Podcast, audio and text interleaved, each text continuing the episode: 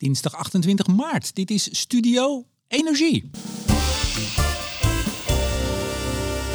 Met vandaag een heel bijzondere aflevering, de podcast-editie van de grote energie- en klimaatquiz. Op 14 maart speelden we hem in een stampvol Theater Diligentia en vanaf nu kan iedereen hem spelen. Dat doen we natuurlijk onder leiding van de quizmaster der quizmasters, lector energietransitie aan de Hans Hogeschool, manager corporate strategy bij GasUnie, beroemd van zijn grafieken van de dag en hier bij Studio Energie twee keer per jaar met zijn grafiek van het jaar. Hij is de ongekroonde cijferkoning van de Nederlandse transitie. Ik zeg welkom Martin Visser. Ja, dankjewel, Remco. Ja, 14 maart stonden we in Diligentia. Jij was weer eh, voor de tweede keer uh, dit jaar de quizmaster. Hoe voelt dat? Sta je op het podium, zo'n hele zaal aan jouw voeten. Ja, dat is, blijft een beetje wennen. Normaal twintig studenten en ja, nu toch een zaal vol met enkele honderden mensen. Ja, zeker. En um, hoe vonden ze je vragen? Want niet alleen was jij quizmaster, maar daarna hebben we een borrel. We hebben wel twee uur staan borrelen en heel veel mensen bleven heel lang. Ja, die schieten jou daarna. Die zeggen, Visser, wat was dit? Of die zeggen, Visser, fantastisch. Ja, nou, ik kreeg eigenlijk louter positieve reacties. En dat is toch wel leuk. Uh, ja, je probeert toch zo'n quiz uh, niet alleen leuk te maken, maar ook ja, inzichtverhogend en leerzaam. En ik heb het idee dat dat redelijk gelukt is dit ja, keer. Ik heb wel het idee, hij was dit jaar moeilijker dan vorig jaar. Hoorde ik een beetje zo onder de, onder de borrel. Ja, zou kunnen. Ik denk dat uh, de winnaar had ongeveer eenzelfde percentage vragen goed als vorig jaar. Dus wat dat betreft zou je zeggen, het zou hetzelfde moeten zijn. Maar ik zal er volgend jaar aan denken. Ja, het duurde wel even voordat hij erachter was dat hij gewonnen had. Maar dat, we gaan met dat eind, een verhaal apart. aan het eind van de uitzending gaan we hem noemen. Nou, ik ga niet het hele programma weer uh, uh, vertellen. Ik ga wel vertellen, er wordt druk gewerkt aan de aftermovie. Ik heb al de eerste kladversie gezien, dus er komt nog een filmpje van iets van twee minuten, wat ik op social media zal zetten, dat mensen die er niet bij waren, toch nog een beetje een beeld hebben. Waarom is het leuk om naar het komend, nou wat zal het zijn, half uur, drie kwartier te luisteren, denk jij? Nou, ik denk dat het leuk is omdat het biedt nieuwe inzichten die mensen vaak niet doorhebben, uh, of verrassende inzichten. En ook, uh, het, ja, het geeft toch uh, leerervaringen van ja, hoe gaan wij die net zero bereiken in 2050. Ja, dus uh, ook als je niet mee wilt doen, luister gewoon. En we gaan vooral ook iets meer dan in het theater de achtergronden vertellen over ja, wat er speelt bij die vraag en wat interessant is om te weten als je enigszins geïnteresseerd bent in de transitie. dat gaan we niet doen voordat ik heb gezegd dat Studio Energie mede wordt mogelijk gemaakt door de vrienden van de show Eneco. Koninklijke FMW, Neptune Energy, netbeheerder Stedin en ja, jij kent ze, Lightsource BP, oftewel Lightsource BP. Sinds 1 maart dit jaar zijn ze de nieuwe bedrijfsvriend, oftewel sponsor van de show. En um, nou, net als dat ik met de andere vier, uh, Martien, wel eens een praatje heb gehouden een jaar geleden, ook heb uitgezonden van uh, waarom doen ze dit eigenlijk, ben ik ook gisteren even langs gegaan bij, Light, bij Lightsource BP. Uh, ik sprak met Erkan Oeizal, directeur van het bedrijf in Nederland. Wat is Lightsource BP? Vroeg ik hem als eerste. Lightsource BP is een wereldwijd ontwikkelaar van zonneparken. Volgens mij zijn jullie nummer 1 of nummer 2 in de wereld. Dat klopt. Ik, uh, ik denk toch liever nummer 1. Ja. En toen dachten jullie, weet je wat, we gaan Studio Energie sponsoren. Waarom? Studio Energie is een mooi uh, platform. wij willen bijdragen aan een breed debat over de energietransitie. Ja, en dan weet je, geen enkele invloed op de inhoud. Hè? Je kan hoog en laag springen. Ik bepaal wie er te gast is en wie niet. Dat weet je. Dat weten we. Uh, onafhankelijkheid vinden we juist heel goed en heel belangrijk. Uh, alleen zo kan een goed debat worden gevoerd over de kansen en mogelijkheden van onze energietoekomst. Ja, Martien, ze ontwikkelen heel veel projecten in Nederland op dit moment. Een uh, aantal in de vergunningsfase, maar ze hebben er nog veel meer in de pijplijn, zoals het heet. En dus hebben ze ook nieuwe mensen nodig. Luister maar. We hebben op dit moment 12 vacatures. Dus uh, we zoeken naar heel veel uh, nieuwe talenten. Zoals? Wat voor functies? Uh, projectontwikkelaars, juniors en seniors, um, een grid engineer, een planoloog, een commercial engineer. En dus we zoeken nog flink wat mensen. Zo zoek jij nog werk, uh, Martin? Ja, als je dit soort dingen hoort en ook wel andere vacatures ziet, is het toch jammer dat je naar je pensioen toe gaat eigenlijk. Hè? Er zijn zoveel leuke banen op het ogenblik in deze sector. Ja, maar ook in, net als in de Verenigde Staten, daar gaan mensen vaak echt na hun pensioen nog tot, tot 80, 85 door. Gewoon in een hele nieuwe carrière. Iets in de, in de zonne-energie voor jou. Nou, ik denk niet dat ik Twitter zo gauw laat varen. Maar ik denk betaalde baan, inclusief alle verplichtingen die erbij horen. Uh, daar komt ooit een eind aan. Goed zo. Nou, hoog tijd voor de quiz zeg ik. En uh, we hadden in het theater een speciale tune. Uh, ja, die, die heb ik natuurlijk nu weer meegenomen. Ik start hem gewoon. Dat was niet de goede. nu komt de goede.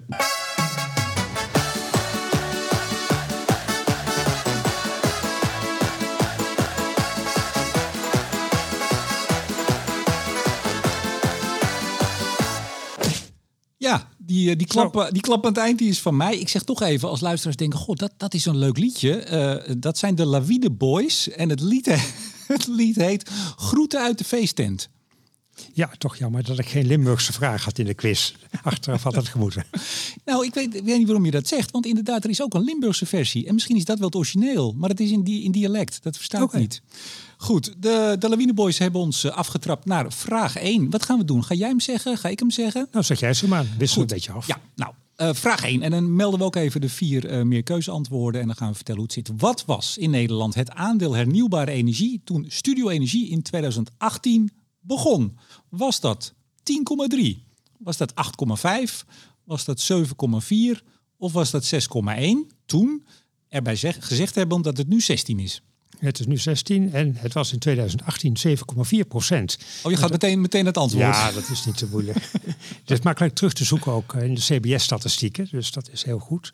En ja, in vijf jaar tijd, vijf jaar Studio Energie, zijn we dus eigenlijk ruim verdubbeld in Nederland van 7,4 naar 16 En veel mensen hebben dat niet door. Die denken nog steeds dat wij op de hele lage percentages zitten van een aantal jaar geleden. Maar het, het gaat nu razendsnel. En zoals ik ook liet zien, ja, ja, sinds 2018, en dat zal geen toeval zijn, sinds de start van Studio Energie gaat het vier keer zo snel als die vijf jaren daarvoor. Ja, je, je had mij de, de sheets gestuurd. Uh, we, zullen ze nog even op Twitter zetten. En daar had je ook inderdaad een grafiekje of een, een pijl bij gezet dat het door uh, Studio Energie kwam. Uh, veel gelach in de zaal. Dat was buitengewoon leuk. Um, maar toch even, meteen maar een serieuze noot. En dat deden we ook in theater. Uh, op die dag had GroenLinks weer een, een tweetje geplaatst. Dat we, nou ja, het is altijd hetzelfde verhaal. Het slechtste jongetje, we bereiken nooit een doel. Er zijn ook wel, uh, neem ik even voor mijn rekening, uh, heer Visser. Er zijn ook wel partijen, organisaties, mensen die een bepaald doel nastreven. Die er belang bij he hebben om maar steeds te zeggen dat het heel slecht gaat. En dat het beter zal gaan als zij aan het bewind komen. Dat is natuurlijk wel een probleem, want het beeld Jij staat veel in zaaltjes, ik ook. Mensen denken dat we echt heel slecht zijn in Nederland. Ja, ja, dat, uh, ja dat is een keuze, denk ik. Ik, ik. Ik hou altijd van positieve berichten. Ik zeg altijd maar zo, ik steun liever een voetbalteam wat vaak wint... dan een voetbalteam wat vaak verliest. En daarom denk ik dat we ook onze successen moeten vieren. En ja, jammer dat dat niet altijd... Uh, door iedereen gedaan wordt eigenlijk. Want het is toch eigenlijk moet de energietransitie ook een beetje leuk zijn bij alle moeite die het kost. Ja, en dan zeg ik er ook bij, zonder dat we nou overdreven positief gaan doen en net doen alsof alles mm. fantastisch gaat. Want dat is natuurlijk ook niet zo. Hè? Nee, zeker niet. Want 16% betekent nog 84% niet hernieuwbaar. En als je dan ook nog bedenkt dat ongeveer de helft van het nieuwbare biomassa is, wat eigenlijk niet makkelijk op te schalen is, dan, ja, dan blijft 8% wind en zon over. Ja, en dat moet toch echt heel fors nog gaan stijgen Ondanks het feit wat, wat we al hebben bereikt de laatste vijf jaar. Ja, en, en dat je dus ook ziet, en zeker voor mensen die het al wat langer volgen, de transitie en er misschien zelf in werken. Uh, als je ziet wat we al gedaan hebben, hoeveel miljarden we er tegenaan gegooid hebben aan subsidie, uh, alle effort die erin is gaan zitten. En dat je dan, hè, dat is de andere kant, nog maar zo ver bent niet zo ver zou je kunnen zeggen.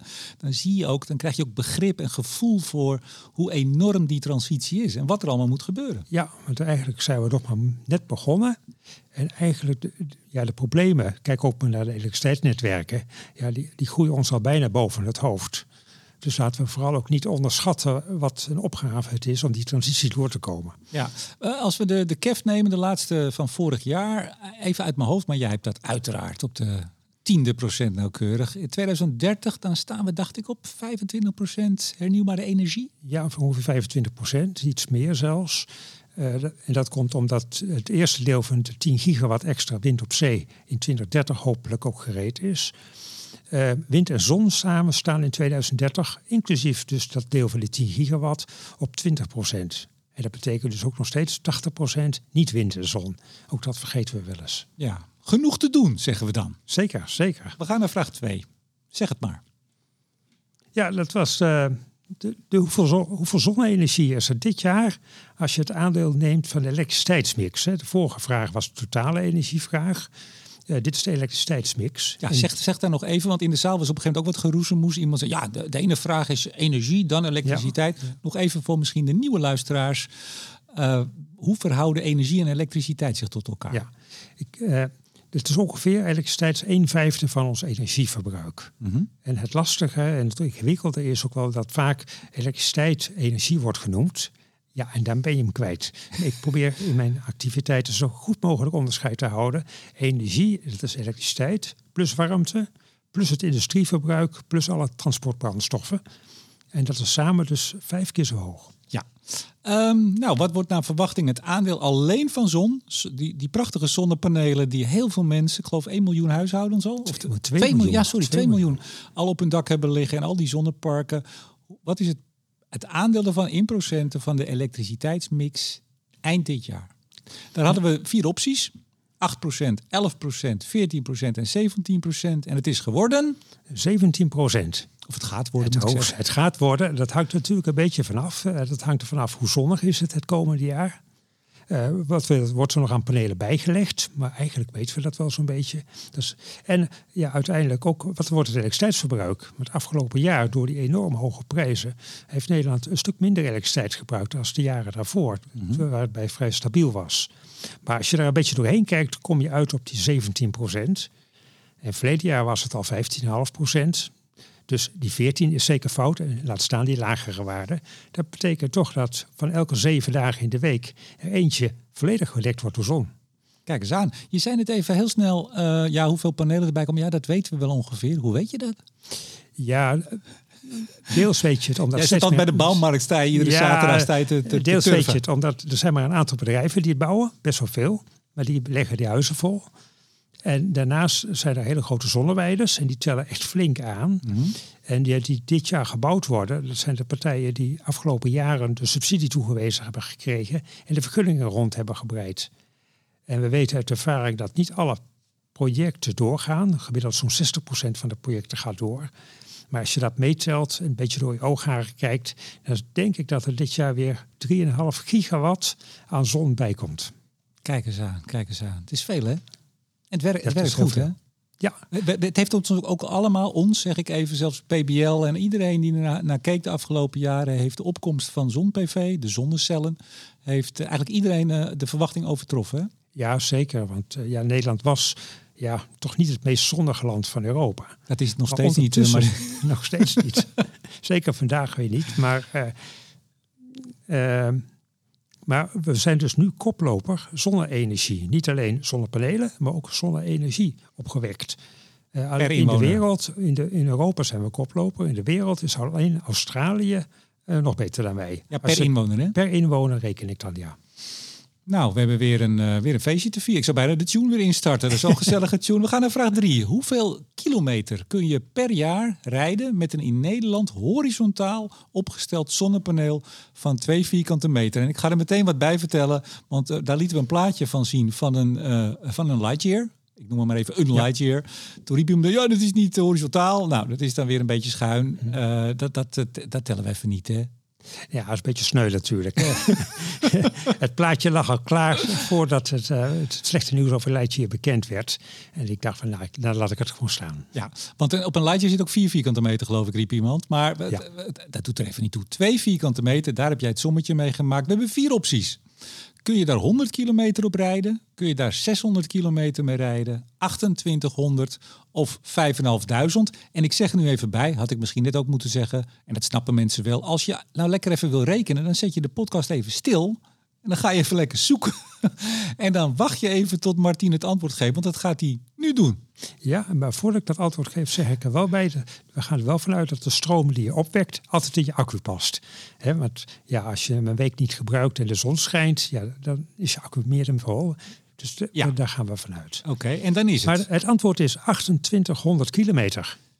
Ja, en, en, toen dacht ik, uh, bedoel, jij stuurde mij natuurlijk die, die vragen voor uh, dat we het uh, grote feest hadden. Toen dacht ik, ja, vind ik dat nou veel of weinig? Ik vond het heel moeilijk ja, in te schatten. Ja, ja, ik vind het heel veel. Ik vraag die studen aan studenten ook wel eens te vragen. En dan krijg ik van die opmerkingen. Nou, je haalt de straathoek nog niet eens.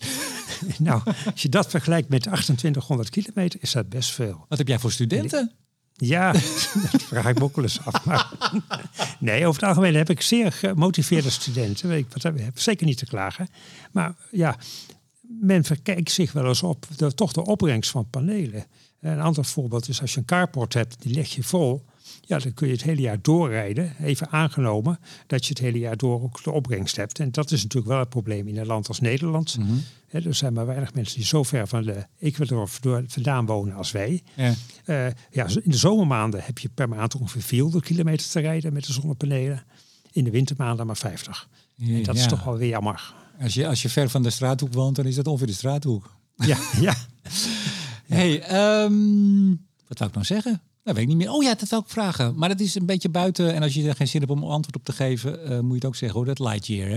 Nou ja, even los van hun financiële perikelen. Want dat is voor ieder bedrijf wat iets nieuws begint en gefinancierd moet worden. En vooral die opschaling. Hè? Het is hartstikke leuk, die eerste paar. En het is hartstikke moeilijk en feest en terecht. Nou, dan moet je gaan produceren. Nou, dan, komt het, dan komen de kosten. Uh, het is geloof ik een reddingsplan en nou, waarschijnlijk gaat het wel door. Maar wat vind je überhaupt van het idee dat je zonnepanelen op je auto legt? Nou, ik vind het niet zo'n gek idee misschien het idee van dat je er volledig op kan rijden, dat is wat ver gezocht in een land als Nederland. Maar op het moment dat je daar toch je accu wat mee kunt opladen, ja, het dak is verder ongebruikt, dus waarom zou je het niet doen? En het zou mij zeker niet verbazen als, ik heb ook wel eens gedacht aan vrachtwagens, die hebben een mooi, een mooi horizontaal oppervlak daarboven. Nou, die kun je best wat bijstoken, om het zo maar te zeggen. Ja, nou, dus, dus best een goed idee. Het is een goed idee. Eh, het laat wel zien wat een formidabele prestatie Tesla heeft gemaakt. Mm Want die heeft er wel degelijk in geslaagd om uit het niets een complete productielijn of productielijnen op te zetten. En ja, je, misschien gaat het nog lukken, maar voorlopig nog even niet. En ja, ze willen te duur, de auto's. En nou, de details weet ik niet. We gunnen ze het beste. Jazeker. Vraag 5. Wil jij die doen? Ja, dat is de, de batterijen. Uh, ja, dat was een beetje een ingewikkelde vraag misschien. Uh, wat is het oppervlak aan batterijen dat er volgens Tenet op 1 januari 2030 staat in Nederland? Ja, laten we die even wat breder neerzetten, want anders denken mensen ook inderdaad van ja, hoe moet ik daaraan rekenen? Uh, we gaan batterijen krijgen. Ja, ja. er zijn er al wat, maar mm de idee is, of de verwachting is dat dat enorm gaat uitbreiden. Dus twee haakjes. Uh, Lightsource, uh, ja, BP, BP, ik zeg altijd BP, uh, zijn ook bezig met zonneparken waar ook al batterijen bij komen. Zijn ze niet, ja. niet de eerste in, denk ik. maar, maar wel, hè, dat, het is echt iets wat ook gewoon nu gebeurt. Ja, dus er, staat nu nog niet zo heel veel in Nederland. Beetje, beetje experimenteren. Schatting, ik denk dat er iets van 100 megawattuur aan batterijen staat. Oh, dat is wel meer. Met 100 megawatt ook capaciteit. Hè. de batterijen gaan meestal één, hooguit twee uur mee. Mm Dan zijn ze leeg op volle capaciteit. Uh, maar Tenet verwacht in haar leveringszekerheid. Wacht even, je gaat het antwoord al geven. Wacht even. Oh, oh ja. Nee, de antwoorden. 25 hectare, dat is ongeveer 40 voetbalvelden ongeveer. Ja. Zoiets. Nou goed. 25 hectare, 150 hectare, 500 hectare of 1500 hectare. Nou, 1500 hectare, dat is veel in ieder geval. Um, hoeveel verwacht Tenet dat er op 1 januari 2030 staat opgesteld? Ja, ja zeg het Nou, dan komt de vraag. Ja, het eerste is natuurlijk van hoeveel staat Hoeveel batterijen zijn er? Dat is natuurlijk een belangrijke. En Tenet gaat ervan uit dat er in 2030 8 gigawatt aan batterijen staat. Dat is ongeveer het honderdvoudige van nu. En 2030, dat is er bijna. Dus dat mhm. is, laat wel zien wat een enorme groei van batterijen er wordt verwacht door Tenet in ieder geval. Ja. Uh, ja, even laten we even aannemen dat die batterijen twee uur meegaan. Dan staat er dus 8 gigawatt keer twee uur, 16 gigawattuur aan batterijen. En als je dat uitrekent, een beetje kijkt naar wat de huidige projecten aan oppervlak met zich meenemen, dan kom je uit op 150 hectare.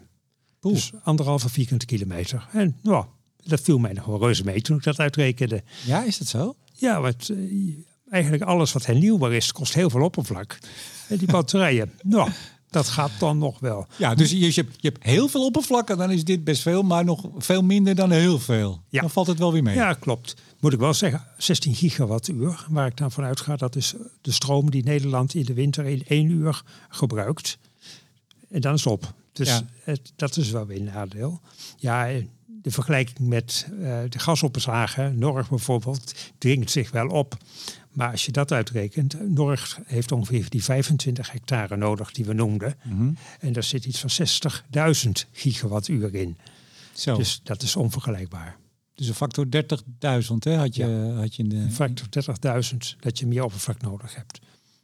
Ja, vooruit. Ja, we, we moeten vooruit. Uh, aardgas wordt er niet meer in de toekomst. En batterijen zullen zeker een deel van de flexibiliteitsmarkt uh, op zich uh, nemen. Ja, dan zeg ik maar weer, geen uitstoot, geen fossiele uitstoot van aardgas. Wie weet dat we het allemaal wel gaan afvangen. Ja, Volgens mij dus... komen we er straks ook nog op. Op iets uit de lucht halen. En ja, ja je weet het niet. Maar een factor 30.000, maar dat is wat, hè? Want we hebben het wel vaak over. Nou, het ging er vorig jaar natuurlijk heel veel over. Over de gasopslagen, het vullen daarvan. Ik ben nog eens bij Norg geweest, podcast gedaan, over het terrein gelopen. Ja, dat is een, een aantal hectare. Dat is niet klein, maar dat is, dat is te overzien. En dat dat dan dus een factor 30.000 minder ruimte kost dan als je dat allemaal in batterijen stopt. Ja, ik denk ook al het materiaalgebruik, hè, wat het met zich mee zou brengen. Nou moet ik zeggen, uh, zoveel opslag als in Norgs nodig is, zullen we waarschijnlijk in de toekomst zeker niet hebben met batterijen. Dus wat dat betreft denk ik, nou, moet kunnen. Er komen vast nieuwe type batterijen en alles, alles gaat altijd weer verder, toch? Ja, laten we dat ook nog hopen. Dat weet ik niet zeker hoor. Dat is, uh... We gaan naar vraag 5. Uh, eh, we hebben er 12 trouwens, dus we zijn al uh, bijna op de helft. we gaan naar de, ja, de broeikasemissies, de uitstoot. En dan met name van de ETS-sectoren. Dan zeggen we er altijd even bij. Dat is de industrie, de grote industrie. Dat is de elektriciteitssector, de, de kolencentrales, de, ja, eigenlijk alle centrales, centrale opwek. Met hoeveel procent is de broeikasgasemissie van die twee sectoren samen in de EU tussen 1990 en 2021 gedaald? Dan hebben we vier keuzes. 5% gedaald, 15% gedaald, 26% gedaald en maar liefst 42% gedaald. Nou. Ja, en ja, onder het ETS vallen ook nog de vliegtuigen trouwens. Binnen EU. Ja. Binnen de EU vliegtuigen. Dus als je daar het vliegtuig neemt, val je onder de ETS. En de daling is 42 procent. Daar ging een uh, ging, uh, rumoer door de zaal toen we de, de slide lieten zien met het antwoord. Ja, maar dat verwachten mensen echt niet. de industrie is toch een beetje de boze man, uh, volgens velen. Man slash vrouw. Pas op, pas, pas, op, pas op, Het. Ja, ja, zeker. Slash het, slash hun. Dus, maar blijkt dus dat er wel degelijk industrie en centrales hele forse besparingen zijn bereikt. Uh, ja, deels door efficiëntie, uh, deels doordat we industrie hebben geoffshored naar buiten de EU. Mm uh, ja, ook kolen hebben we vervangen door aardgas. En tenslotte, ja, wind en zon zijn opgekomen. en ieder kilowattuur die je met wind en zon maakt, is minder opwek fossiel, gas of kolen. En ja, alles bij elkaar heeft dat dus eigenlijk tot bijna een halvering geleid van de emissies van de industrie. Ja, en als je ieder jaar de, de KEF en vroeger de NEF, de Nationale Energieverkenning, en nu de Klimaat- en Energieverkenning van het PBL leest en ook even naar de grafiekjes kijkt, dan zie je ook dat het daar eigenlijk vrij goed mee gaat. Het is een beetje hoe je goed definieert. Of het gaat minder slecht dan in die andere sectoren waar we een nationale opgave hebben. Eh, vervoer, mobiliteit, landbouw en gebouwde omgeving. Ja, klopt. Ja, dat is een blijvend uh, vervelend punt eigenlijk. Dat Nederland en ook het Nederlands kabinet, de Nederlandse regering, uh, ja, ETS en non-ETS, al die alle kleine puntbronnen bij elkaar optelt en een totaal uh, target definieert. Terwijl in Europa zijn er zulke heldere afspraken. ETS gebeurt Europees. En non-ETS, dat moet ieder land. Hij krijgt een eigen opdracht die ze met elkaar afspreken in Brussel. Maar dat hebben we eigenlijk al met, uh, nou, zo'n beetje Balken en de Vier hebben we dat al overboord gegooid. Die hadden toen de ambitie om 30% minder uitstoot totaal in 2030. Ja. En vanaf die jaren, dus al 2007, iets daarvoor, ging eigenlijk dat verschil al op de, op de hoop. Ja, weg. en dat is heel, heel bijzonder dat Nederland dat doet. Ik ken ook eigenlijk geen ander land die dat doet in Europa. En je krijgt daardoor het verschijnsel dat als Nederlandse gascentrales stroom maken, wat, die wij vervolgens exporteren, dat de CO2 ja, op het Nederlandse budget drukt. Terwijl in de EU is afgesproken dat het op het EU-budget drukt. En dat is zeker belangrijk omdat we afgelopen jaar al een record hoeveelheid stroom hebben geëxporteerd. En die export van stroom, ja, die gaat richting 2030 nog enorm toenemen. Mhm. Volgens de plannen van de, of de, voor onze klimaat- en energieverkenning van de PBL. Mhm. En dat betekent dat ja, op die manier gaan we steeds meer CO2 maken ten behoeve van de buren. Maar, ja, maar jij, jij loopt best wel even mee, mag ik zeggen. Hè? Ja. ja. Ehm, hoe ging dat in die tijd, zo rond Balken en de Vier? Of, of, was men daar helemaal niet van bewust? Het eh, kabinet riep een target en dacht iedereen, nou ja, hartstikke leuk. Ik heb het idee dat men daar toen geen idee van had. Wat dat betreft weten we nu met elkaar en beseffen we met elkaar veel meer uh, dan 10, 15 jaar geleden. Ja, want uh, onlangs van de week um, uh, zag ik zag bij Energie een bericht dat, dat het kabinet in ieder geval de mogelijkheid openlaat om naar net, net zero, hè, netto nul uitstoot 2050, om ja. wel met andere EU-landen die emissie ja, om te kunnen verrekenen. Zoals ja. we dat eigenlijk ook met hernieuwbare energie hebben gedaan in 2020 om de 14% te halen. Ja, dus die mogelijkheid laten ze wel open, ja, ze gelukkig. het open. En we hebben natuurlijk ook voor het hernieuwbaar hebben we het braaf gekocht in Denemarken. En dat mocht ook van de EU. Hè. Dat was ook een open...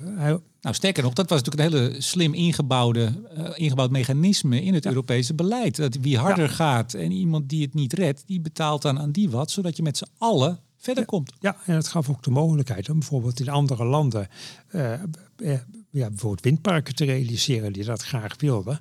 Waardoor, waarna Nederland dan de credits kreeg van hernieuwbare energie. Dus er waren heel veel mogelijkheden om te optimaliseren op EU-niveau. En Nederland heeft dat niet gedaan. En heeft puur achter de dijken, achter de grenzen gerekend. En we doen, blijven dat doen met ETS. En nou ja, ik hoop dat er een keer een, een, regering komt of een kabinet komt of een minister komt uh, die wel dat onderscheid gaat maken, waardoor we veel effectiever, denk ik, klimaatbeleid kunnen voeren. Denk je, denk je dat dat er nog gaat komen? Het zit, het zit zo ingebakken bij, bij politici, ook bij sommige jonge politici, ja. bij, bij ambtenaren, in de media. Uh, ja. het, ik denk. Ja, zelfs de juridische macht, hè, want ook agendavonders uh, ging ook dwars doorheen. Ja. Uh, ja, het gekke verschijnsel doet zich voor. Dat we willen nu min 55 of min 60 procent in 2030. Nou, stel je voor, we halen min 60 beide misschien niet voorstelbaar, maar stel je voor we halen het, dan zou het best kunnen dat we vervolgens toch nog een boete krijgen van de EU. Want de EU kijkt niet naar die min 60. Die ja. kijkt puur naar de non-ETS-sectoren of daar doen wat we met elkaar hebben afgesproken. Ja, dus de sectoren waar Nederland over gaat, ik zeg het toch nog even en dan gaan we door naar de volgende vraag. Uh, de sectoren waar Nederland aan het stuur zit, waar wij bepalen wat er gebeurt, gebouwde omgeving, landbouw en vervoer, mobiliteit. ETS valt eigenlijk niet onder ons. En daar ja. zijn we juist zo ontzettend hard mee bezig. En dat kan dus betekenen, inderdaad, je zei het al, als wij hier iets maken wat wordt geëxporteerd. Als wij hier de industrie, bij wijze van spreken, de deuren zouden sluiten, dan gaan we misschien wel de 70% halen. Ik zeg eens wat geks. Ja. En halen we gewoon ons echte officiële target, halen we dan niet en krijgen we gewoon een boete. Ja, dat zou best wel kunnen, ja. We gaan naar vraag 6, naar deze zucht. Op welke plaats in de EU 27, zeggen we dan de 27 lidstaten, de huidige EU, staat Nederland wat betreft de broeikasgasemissie per inwoner? Nou, daar heb je hem. Voor de niet-ETS-sectoren, waar hebben we het er net over? Welke plek staan we van de 27? Zeg het maar. Ja, nou, vier, vier oplossingen, vier mogelijke antwoorden waren de vijfde plek, waarbij de eerste plek natuurlijk het beste is. Ja. De vijftiende plek, 21ste plek en de 25ste plek. Nou. En ja, Nederland staat 21ste van de 27 landen. Dus een zeer lage plek. We hebben relatief heel veel emissies, non-ETS-emissies. En dat betekent dat wij dus een enorme opgave hebben als Nederland om die emissies ook naar nul terug te brengen. Ja, en dan kom je achter de voordeur. Onder andere, dan, dan kom je, achter, in de benzinetank ja. of in de, in de oplaadstekker. Ja, zeker. En als je een beetje door je oogharen kijkt, waarom staan wij nou zo slecht? Dat heeft twee belangrijke oorzaken. Zijn er nog zes slechter, hè? even voor de tussenhaakjes. Zijn ja, er nog zes slechter? Ja. waarom staan wij niet bovenaan? Uh, dat heeft twee belangrijke oorzaken waar we niet veel aan kunnen doen. De eerste is dat we wonen vrij in het noorden van Europa. Dus wij hebben veel warmte nodig, veel energie nodig om onze gebouwen warm te houden. Mm -hmm. En het tweede is dat wij weinig houtstook hebben. Er zijn heel veel landen die heel veel hout gebruiken, juist voor, voor het gebouwverwarming. En ja, die scoren een stuk beter dan Nederland, want dat telt niet mee voor CO2. Maar wij willen geen houtstook, zo weinig mogelijk houtstook. Dus ook dat helpt ons niet. En dat betekent dus dat we echt een enorme opgave gaan krijgen om de niet-ETS-sectoren, om uh, ja, daar onze targets te halen. Nou, dan ligt daar weer een prachtige opgave, zeggen we dan. Heel positief. Ik heb laatst een podcast gedaan, dan ging het niet over problemen, maar dan moest ik uitdagingen noemen. Ja, dus dat, het gaan allemaal uitdagingen. Vraag 7. Hoeveel wind op zee is nodig voor het verduurzamen van de olie die gebunkerd of gebruikt wordt door de huidige Nederlandse binnenvaart? Geef daar even eerst een, een, een toelichting op, uh, Martien. Ja, ja de, de, binnenvaart is goed om te onderscheiden. De binnenvaart binnen Nederland en de binnenvaart die internationaal is. Mm -hmm. Want de, nou, internationaal moet je nou vooral denken naar de Rijn op richting ja, Karlsruhe, Basel, roept maar. Ja. Uh, ook van belang omdat die internationale binnenvaart, die telt niet mee in de meeste statistieken. Mhm. De CO2 telt niet mee, ook het energieverbruik telt niet mee eh, bij de Nederlandse energieverbruik. Want het zijn bunkers immers. Ja, en we hebben het hier dus over alle eh, emissies Met door alle Nederlandse binnenvaart, binnenvaart, ook ja. in het buitenland. Ja, dus het is eh, de internationale binnenvaart en de nationale binnenvaart. Oké, nou dan zeg ik meteen even erbij hoeveel wind op zee we nu ongeveer hebben staan. 2500 megawatt. Ja, dat staat ongeveer 2500 megawatt. Er zijn vier opties, beste luisteraars. 500 megawatt heb je nodig aan wind op zee om dat dus te vervangen, zou ik maar zeggen, te verduurzamen. Is het 1000? Is het 2000? Of is het zelfs meer dan wat we nu hebben staan? Is het 3000 megawatt? Tromroffel. Zeg het maar. Ja, het goede antwoord is 3000 megawatt. Eh.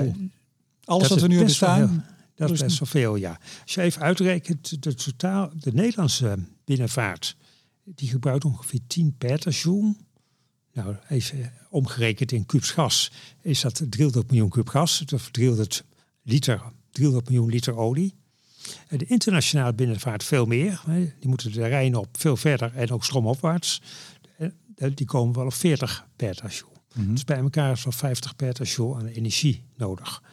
Omgerekend is dat anderhalf miljard kub gas. Hè, even qua hoeveelheid energie. Nou, ik ben ervan uitgegaan dat de binnenvaart in binnen Nederland vooral elektrisch zal worden. Eh, dat zal nog niet meevallen, denk ik. Want een schip wat van Rotterdam naar Delfzijl vaart, beladen en al, die heeft elektrisch denk ik al gewoon 70 megawattuur aan elektriciteit nodig. En in een container kan ongeveer 1 megawattuur. Dus dat wordt al spannend. Dus ik ben ervan uitgegaan dat het internationale binnenvaart dat het waterstof wordt. En die waterstof moet je maken van elektriciteit, dus daar is extra elektriciteit voor nodig. En als je het allemaal doorrekent, kom je ongeveer op de 3000 megawatt wind op zee. Dus zeg maar grofweg de hoeveelheid die er nu staat. Ja. Doe jij dit soort sommetjes nou onder werktijd of zit je dat s'avonds op de bank te doen? Of, of- Ik doe dit soort dingen s'avonds op de bank. Ik heb er overdag echt geen tijd voor. Dat geldt trouwens voor al mijn grafieken van de dag. Ik maak ze altijd s'avonds en dan wordt ze automatisch de dag erop ergens geplaatst. Maar niet eens een leuke serie kijken met, eh, met de huisgenoten of, eh, of Nee, een ik lekker ben niet boek lezen? Ik Nee. ben niet zo'n tv-kijker. Nee. Ehm, ja, dat is nogal wat, hè? Ja, dat is behoorlijk wat. Het is natuurlijk wat te doen. Eh, laten we ook niet vergeten dat die binnenvaart enorm veel transport eh, voor zijn rekening neemt. En dat het ook veel efficiënter is dan bijvoorbeeld met vrachtverkeer. Los van het feit dat het veel minder overlast geeft. Ja. Ja. Wil jij vraag 8 eh, voorlezen als je hem voor je hebt? En anders doe ik het. Ja, dat is, dat is een ingewikkelde. Leek ook wel in de, het napraten in de wandelgangen. I- I- eigenlijk was deze te moeilijk, eh Martien. Ja, deze Ja. was te moeilijk. Maar je moet er af en toe ook een hele moeilijke instoppen om ze wakker te houden. Dat heb je heel goed gedaan. Ja, maar dit was ook typisch zo'n vraag waar ik ook eh, echt verbaasd was toen ik erachter kwam. Overigens, even, even sorry dat ik het ertussen kom.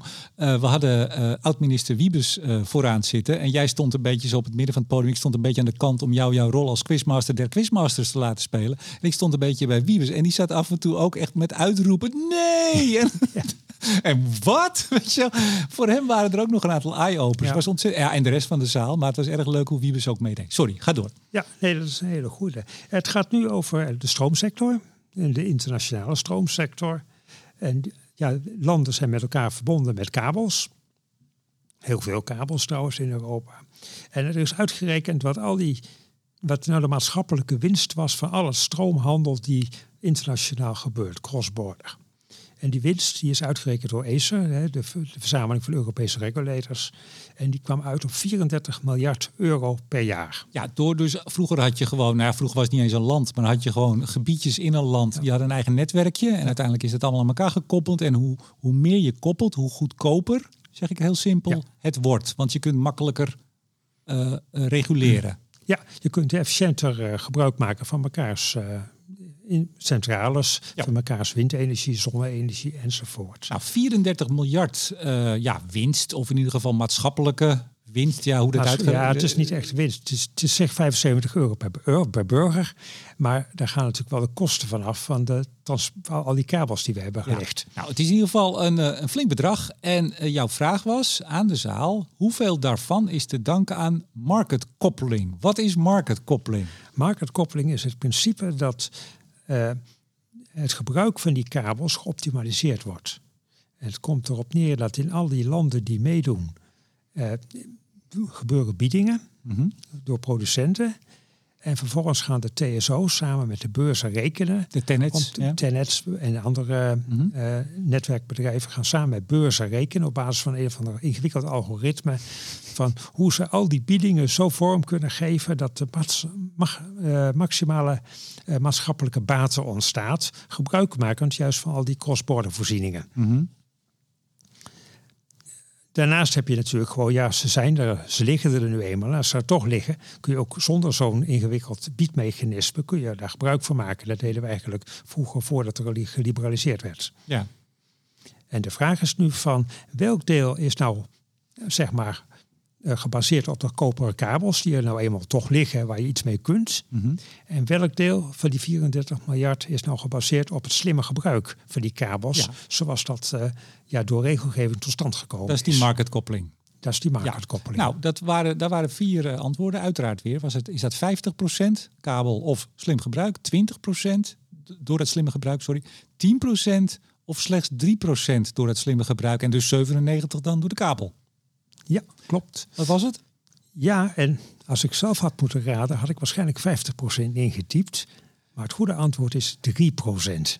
Ja, dit en dat schrijft Acer in een voetnoot keurig netjes in zijn eigen rapport. Dus ik vind het wel heel eerlijk van ze. En een miljard euro is natuurlijk nog steeds heel veel geld. Maar het was heel opmerkelijk dat het toch een relatief bescheiden bijdrage levert. En ja, de les een beetje, als je het generaliseert, is ja, uh, infrastructuur is toch wel ontzettend belangrijk. En regelgeving helpt. Maar het gaat om de infrastructuur. Ja. Uh, nou, wie dit goed had in de zaal en wie dit ook uh, nu thuis uh, goed heeft, zullen we dan maar zeggen. Ja, of ze hebben het opgezocht gauw, op pauze gezet. Maar dat was dus een gokje. Dit had waarschijnlijk niemand goed, behalve per ongeluk. Ik kan me voorstellen. Als u het wat nazoeken, het staat in een rapport, dat heet ACER's Final Assessment of de EU Wholesale Electricity Market Design. ik heb het maar even opgeschreven ook. Ja, ik zeg even tegen luisteraars, zit er druk met de laptop erbij, zit jij uh, al je aantekeningen er nog even op, op door te nemen. Maar dat maakt de quiz ook zo leuk. In, in het theater doen we dat iets korter natuurlijk, want dan zitten mensen twee uur naar een hele, hele show uh, te kijken met van alles en nog wat. Maar hier hebben we even lekker de tijd. We gaan naar vraag 9. Hoeveel CO2 wordt per jaar geëmiteerd, uh, uitgestoten, door uh, de zaakjes overige semi-mobiele werktuigen. Wat zijn semi-mobiele werktuigen? Laten we daar beginnen. Ja, dat zijn eigenlijk alle werktuigen die je niet tegenkomt op de snelweg. Denk okay. bouwwerktuigen, heftrucks, tractoren, uh, uh, kranen. kranen. Alles hebben allemaal motoren. En ze worden regelmatig, lees je weer in de krant dat er eentje op waterstof gezet is of op elektriciteit gezet is. En er wordt vaak wat lacherig over gedaan. Dus ik was toch wel eens benieuwd van, goh, wat is nou die uitstoot bij elkaar van al die apparaten? Ja, even. Waar, in welke categorie vallen tractoren? Je zegt op de snelweg, maar ja, die rijden wel eens op de snelweg. ze rijden wel, ja, maar dat is niet de bedoeling. Nee, oké, dus die tellen ook mee. Ja. Uh, we hadden uh, vier antwoorden. Uh, een half megaton, 0,9 megaton, 1,8 of 3,7. En dan moeten we even bij zeggen, wat is onze totale uitstoot in Nederland? Onze, op het ogenblik, onze huidige uitstoot is ongeveer 150 megaton. Oké, 150. Hoeveel uh, leggen semi-mobiele uh, uh, werktuigen, zoals kranen, draglines en wat al niet, in de weegschaal? Zeg het maar. Ja, het antwoord is 3,7 megaton. En dat is echt ontzettend veel. Ja. Het is ongeveer een kwart van wat alle personenauto's bij elkaar doen. Wauw. En daar zijn we geweldig druk mee bezig om te elektrificeren, dus CO2 terug te dringen. En dus laten we stoppen met lacherig doen over al die mensen die bezig zijn om ook die werktuigen, hè, die semi-mobiele werktuigen, uh, te elektrificeren of van waterstof te voorzien. Maar dat is echt een behoorlijke klap aan de CO2 die je kunt uh, vermijden op die manier. Nou, kijk eens aan. Ook daar zijn weer mooie uitdagingen. ook daar hoor ik uh, wel wat verschrikte reacties in de zaal. Ja, ja, ja. Maar dit was echt veel meer dan wij verwachten. Ja. Had, jij dit, had jij dit zelf geweten als ik het je zo gevraagd had? Nee, dit had ik ook niet. Moet, echt, had ik echt moeten gokken. Vraag 10. Het kabinet wil twee nieuwe kerncentrales. Is mooi gesteld ook, wil twee, hè? Of ze er komen, dat is... De inzet ja, dat blijft spannend. Hè? Dat als er een nieuw kabinet komt en... Ja, weliswaar zegt iedereen, we willen continuïteit van beleid. Maar op het moment dat het uh, niet uitkomt, is dat weer gauw verdwenen, ben ik bang. Ja, uh, Henry Bontebal was er gelukkig wel, want het was een kamerdag. Maar hij kwam uh, zo'n beetje, nou ruim voor het einde kwam hij binnenschuiven, later op het podium. En die had net toen met de VVD, met Silvio Erkons, de dag ervoor geloof ik, een uh, ja, plan gelanceerd om, zoals we een EBN hebben, en, en een staatsdeelneming op te zetten. Om in die kerncentrales ja, deel te nemen. Of in ieder geval ja, ja, deel te nemen. Hè? Ja. Mede mogelijk te maken. Ja, te investeren. En ja, ik heb ook al eens een column geschreven over kernenergie. En daar ook aangegeven van als je het wilt in Nederland, dan zal de staat het zelf moeten doen. Want ja, het grootste risico eh, bij eh, de bouw van een kerncentrale is de staat. dat hij zijn regels verandert of uh, andere ideeën Nee, dat gebeurt nooit in Nederland, nee. Martin. Dat gebeurt nooit regels veranderen. Echt nooit. dat zeg jij, maar een investeerder, en zeker een buitenlandse investeerder, zal dat nooit geloven. Uh, zeker gegeven ook de, de, geschiedenis en ook in andere Tuurlijk. landen. En ja, de, de, regel eenmaal is, degene die de risico's veroorzaakt, uh, die moet ze ook uh, ja, met de billen bloot zou ja. zeggen. En daarom zal dat een staatsbedrijf moeten zijn die dat doet. Ja. Nou, st stel even, ze komen er. Uh, hoeveel elektriciteit leveren die twee kerncentrales dan per jaar? En we hadden vier antwoorden. Eén, evenveel als wind op land, inclusief het IJsselmeer, in 2040 zal leveren. B. Voldoende voor alle ICT en datacenters in Nederland, de huidige dan. C. Voldoende om in 2040 alle warmtepompen van stroom te voorzien. Of D voldoende energie voor de provincie Zeeland, het huidige gebruik. Ik laat even een hele kleine stilte vallen. Dan kunnen mensen hem even stilzetten, want die gaan nu even nadenken. Ik doe het heel snel. Evenveel, wind, evenveel als land, IJssel, inclusief IJsselmeer, 240. Voldoende voor alle ICT-datacenters. Voldoende om in 2040 alle warmtepompen te laten draaien. En voldoende energie voor de provincie Zeeland. Wat Ja. is het? Ja, en het is denk ik verrassend. Het is evenveel als alle windturbines op land en in het IJsselmeer in 2040 gaan produceren. Het is zelfs een beetje meer. En dan Nou, ga, ik, ja. ga ik ervan uit dat de kerncentrales kopieën zijn van het ding wat in, Turk- in Finland gebouwd is. Ja. En, maar dat is ook het plan, heb ik al eens begrepen. Ja, nou denk ik dat er in eh, eh, heel veel mensen die luisteren, die echt een bloedhekel hebben aan die dingen, in ieder geval op land, wind op land, die zeggen, nou, zet er dan geen twee maar vier, dan kun je al die windmolens weghalen. Ja, nou, maar dan moet je er weer vier bouwen. Ja. Ik denk dat het een hele klus wordt om er twee te bouwen. Dus Ja, maar stop- er eerst maar eens voor gaan. Ja, maar als je toch bezig bent, en dat is juist fijn, dan ga je seriematig. Ja, ik zou het graag willen dat het, eh, dat het seriematig een keer gaat gebeuren in Europa dan wel, moet ik zeggen. Ja. Eh, laten we eerst maar eens aan twee kijken. En ik denk dat we onze handen sowieso al vol hebben aan het eh, verduurzamen van onze sector. Dus laten we niet te veel opties doorstrepen. Maar ja, wie weet in 2080 eh, zeggen we van ofwel we gaan door met wind en laat die kerncentrales maar eh, gesloten worden en geen nieuwe bouwen. Of we zeggen van nou nog wat meer kerncentrales en wind op land hebben we niet meer nodig. Want Ja. we hebben genoeg aan wind op zee plus kernenergie. Je weet het niet van tevoren en daarom is het goed om meerdere opties te hebben. ja, we weten het niet en we gaan het ook niet meemaken wij. Nee, ik ben bang van niet, nee. Nou, wat Ja. somber ben ik Misschien nou. even ja, de ICT en datacenters. Dat is ongeveer 10% van de hele stroomvraag. En dat is de helft. Dat is eigenlijk één kerncentrale, zou je kunnen zeggen. Ja? En ook warmtepompen voor stroom heb je ook ongeveer één kerncentrale nodig. Nou. En Zeeland, tot slotverrekening, gebruikt veel meer. Daar heb je drie kerncentrales voor nodig. Maar dat komt vooral door Zeeuws-Vlaanderen en de Vlissingen. Daar zit heel veel industrie. Daar kijken mensen zich wel eens op. Nou, de, de Zeeuwen die willen ze graag hebben, althans in ieder geval de politiek daar. En een, een flink deel van, eh, van de bewoners. Er zijn natuurlijk ook wel wat mensen tegen uiteraard. Dus daar kunnen er, als ik zo even snel zit te tellen, een stuk of acht komen om dit allemaal, dit allemaal voor elkaar te krijgen. We gaan naar vraag 11. Welke bijdrage kan Nederland volgens het PBL vanaf 2050 realistisch leveren aan het mondiaal noodzakelijke negatieve CO2-emissies? Leg even uit ten eerste waarom we dat nodig hebben en wat het is. Ja.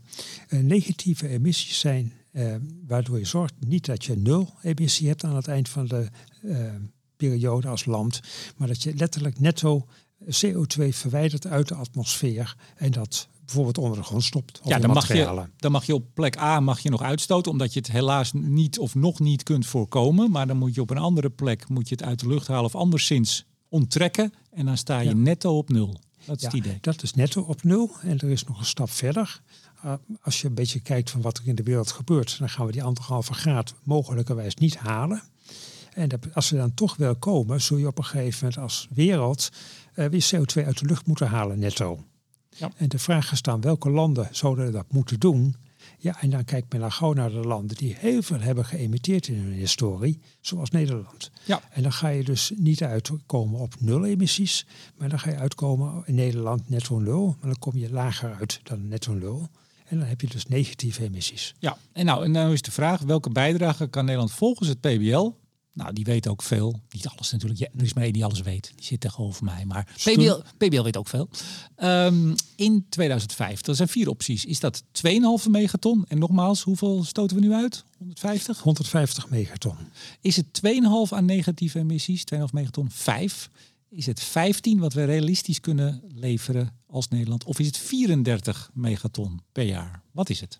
Ja, en is het hoogste getal. 34 megaton kwam het PBL uit wat wij zouden kunnen gaan leveren. En waar, waar laten we dat dan? ja, dat stoppen we onder de grond.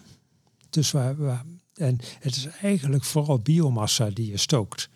Uh, waarbij je bijvoorbeeld uh, als backup voor elektriciteitscentrales noemen ze, of voor hoge temperatuurprocessen in de industrie, mm -hmm. waarna je uit, het niet de schoorsteen uitlaat met nul CO2, want ja. biomassa telt niet mee, maar de CO2 eruit haalt. Ook bij groen gasproductie komt bijvoorbeeld CO2 vrij als bijproduct. Kun je ook verzamelen en op, daar vervolgens via CO2-opslag onder de grond stoppen in oude gasvelden of zelfs zoutwaterlagen. Ja, tot nu toe hebben we in Nederland gezegd dat we die CCS die we dan gaan doen, en die ook in het ja. klimaatakkoord is vastgelegd, daar was nadrukkelijk de elektriciteitscentrales en de kolencentrales en de, de biomassacentrale, uh, Geert Ruidenberg, waren daarvan uitgesloten. Ja. Terwijl dat, dat is wat je dan juist zou moeten doen. Ja, dat is, uh, dat is de manier eigenlijk om de negatieve emissies te bereiken. Ook om het een beetje kostig efficiënt te doen. Heb je eigenlijk grote schoorstenen nodig of grote hoeveelheden, zodat je schaalvoordelen hebt. Ja. Want ja, er wordt ook al gesproken over bos, bosplant of... Um, Direct air capture. Direct air capture, maar PBL schat dat voor 2050 in als heel gering. Een half megaton tot één megaton. Ja. Gaan we naar de laatste vraag? Ja.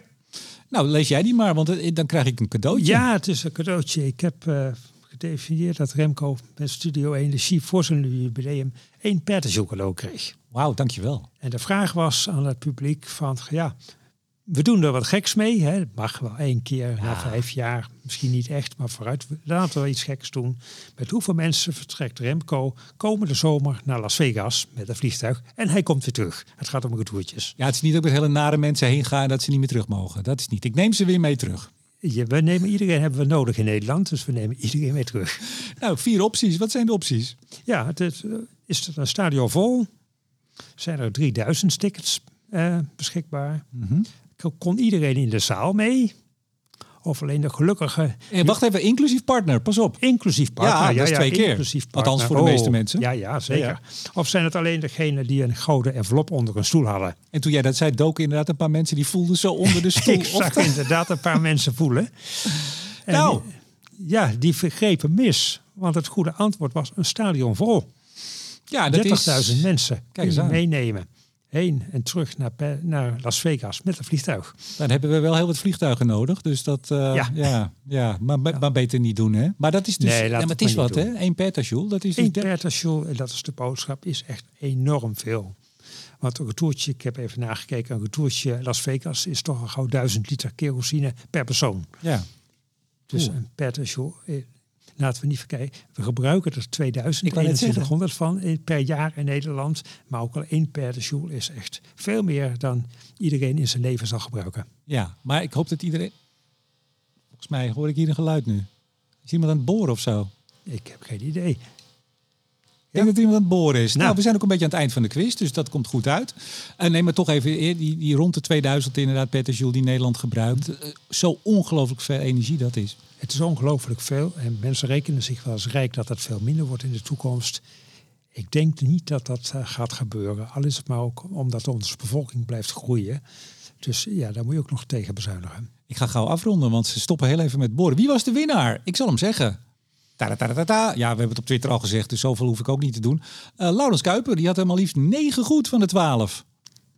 Dat dacht hij. nee, dat moet ik er even bij zeggen. Want nu lijkt het net of hij de boel uh, belazerd heeft. Dat heeft hij niet natuurlijk. Want iedereen moest zijn eigen score bijhouden. Maar we gingen aftellen wie heeft alles goed. Wie heeft er 11 goed. Wie heeft er 10 goed. En op een gegeven moment waren we al bij, nee, bij 7 aangekomen. En toen waren er geloof ik twee mensen, dacht ik, 7 of meer. En toen zei ja, maar ik had er 9. Maar hij, hij had hm. bij 9 even niet geroepen. Of wij hebben hem niet gehoord. Nou, hm. lang verhaal kort. Hij kwam op het podium. Sjors Verberg, de winnaar van vorig jaar, heeft Ehm, eh, symbolisch de eer uh, en alle lof uh, die hij toen kreeg overgedragen aan nogmaals Laurens Kuiper, bekend van Twitter. Ik ken hem ook van Twitter. van harte gefeliciteerd, zeggen we. Zeker. Um, hebben we nog iets toe te voegen verder?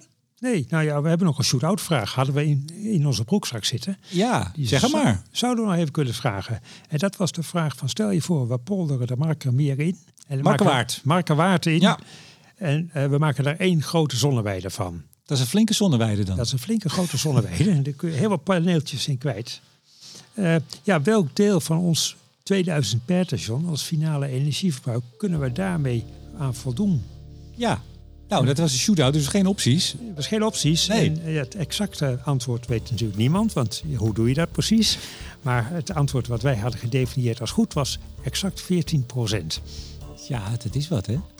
Ja, want ik hoorde in de, in de zaal al zeggen, ah, meer dan anderhalf keer het Nederlandse energieverbruik. Maar nee, nee, 14 procent. Zoveel moeten we dus doen. Ja, en daar zat niet eens bij dus het, bijvoorbeeld het bunkeren van schepen waar we het eerder over hadden. Dus ja, voor wie, een nou, opgave. Ja, voor wie nou denkt, goh, dit ging wel erg snel. Luister gewoon deze podcast nog een keer. Zet hem af en toe even stil. En ik hoop uh, met jou, denk ik, uh, Martien, dat uh, mensen weer iets meer inzicht hebben gekregen in de transitie. Ik hoop het. En ik, ja, ik ga door met mijn grafiekjes van de dag, waar ik mensen nog meer inzicht geef. En ja, deze vragen, ja, die stonden niet in die grafiekjes van de dag. Dus mensen hebben geen voordeel ervan gehad. Maar ik hoop toch weer dat dat geholpen heeft. En ach, weet je, zoveel, of je er zoveel goed hebt of niet, maakt ook niet zoveel uit. Ik sprak een aantal mensen waar ik hoge achting voor had en die hadden er drie goed. Dus Maakt u wat dat maakt zich geen zorgen. Nee. Heel veel dank, uh, Martin. Wij zien elkaar eind juni of begin juli weer voor de grafiek van het jaar. Ja. Veel dank. Juli. Tot dan. En uiteraard bedank ik ook jullie beste luisteraars en in het bijzonder alle vrienden van de show, waaronder Eneco, Koninklijke FMW, Neptune Energy, Netbeheerder Stedin en Lightsource BP of BP, wat je wil. Mijn naam is Remco de Boer. Graag tot volgende week.